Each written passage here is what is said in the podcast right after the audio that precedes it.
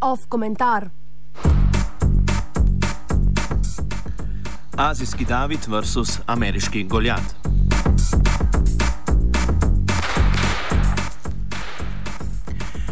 Glede na zaskrbljujoče poročila v medijih o situaciji v Severni Koreji, lahko občasnemu opozovalcu upravičimo, če je zaradi dogajanja pristno zaskrbljen, če tudi ta čustva niso upravičena.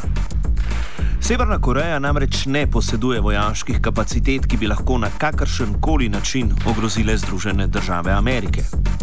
Ocenjuje se, da ima Severna Koreja okrog 10 jedrskih konic manjše moči, obenem je doseg njenih raket omejen na 4000 km, kar v najboljšem primeru pomeni ogroženost regije Japonske in Južne Koreje ter ameriške vojaške baze na otoku Guam in pacifiške oaze Havaju.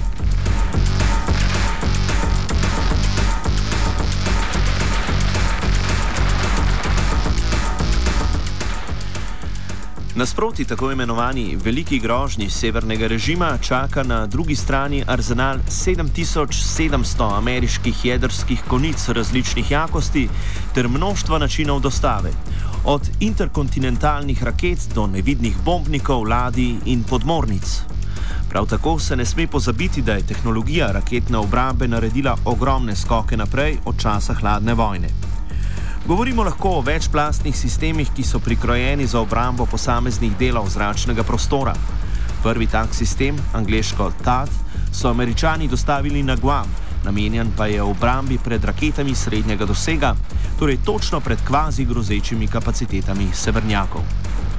Podobni sistemi so že dalj časa nastanjeni v Južni Koreji in na Japonskem. V azijskih vodah Pacifika pa je tudi več ladij Aegis, namenjenih stratosferski obrambi pred raketami. Eni izmed njih je leta 2008 uspelo z raketo prestreči padajoči satelit na višini 247 km, ki se je premikal s hitrostjo 24 tisoč km/h.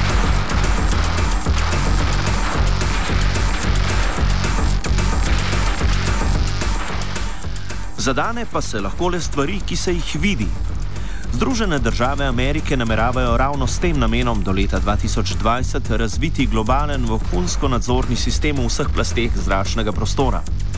Slednji namreč ni reguliran oziroma ni določena meja, do katere višine se razteza suveren zračni prostor države. Real politično se razteza do točke, do katere lahko država uveljavlja svoje pravice. Z ameriški strani so najbližje tlem obstoječa brezpilotna letala, ki jih poznamo iz napadov v Afganistanu. Naslednja stopnička je zračni prostor do 20 km višine. Se spomnite nasinega Pathfinderja, letala, ki leti na sončne celice?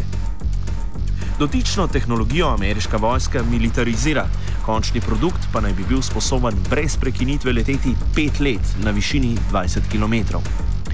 Militarizira se tudi vrhnjo stratosfero z vozilom Falcon Hypersonic Cruise, brezpilotnim letalom, ki bo letelo na višini 24 km in bo sposobno dostaviti 6-tonski tovor 16 tisoč km daleč v dveh urah.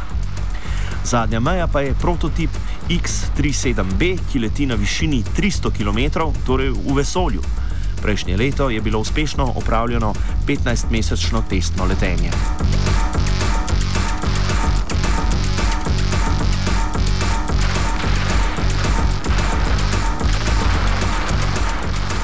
Morebitni spopad med Severno Korejo in Ameriko je torej popolnoma asimetričen, nesmiselen in neverjeten. Zaostrovanje in vadbeni leti ameriških nevidnih jedrskih bombnikov nad Južno Korejo, opravljeni pred nekaj tedni, niso namenjeni le severnjakom, temveč so obenem sporočilo Kitajski, podobno kot so bile jedrske bombe nad Japonsko v drugi svetovni vojni, svarilno sporočilo Rusom. Prav tako je neverjetno, da bi ob dejanskem napadu Severne Koreje Kitajska šla z roko v roki v žrjavico za svojega zaveznika. Obenem si politično vodstvo Kitajske ne more želeti vroče proksi vojne in ameriških škornjev na njeni meji. Ne pozabimo, da bi ob smrti ameriških civilistov, podobno kot po Pearl Harborju in zbliževanju newyorških dvojčkov z zemljo, Amerika dobila mandat, mednarodni mandat in moralno pravico do povračila.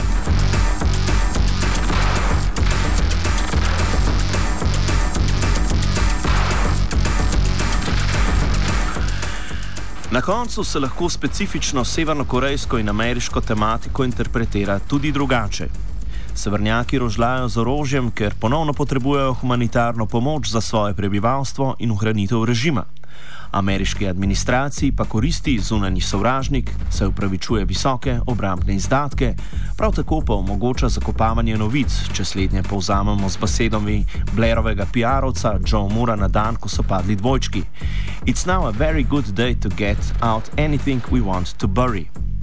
Slednji razlagi sicer omogočata lepšo sliko prihodnosti, vendar ne smemo pozabiti, da so Združene države Amerike zaradi vere v svojo vojaško večvrednost začele spopade s katastrofalnimi posledicami.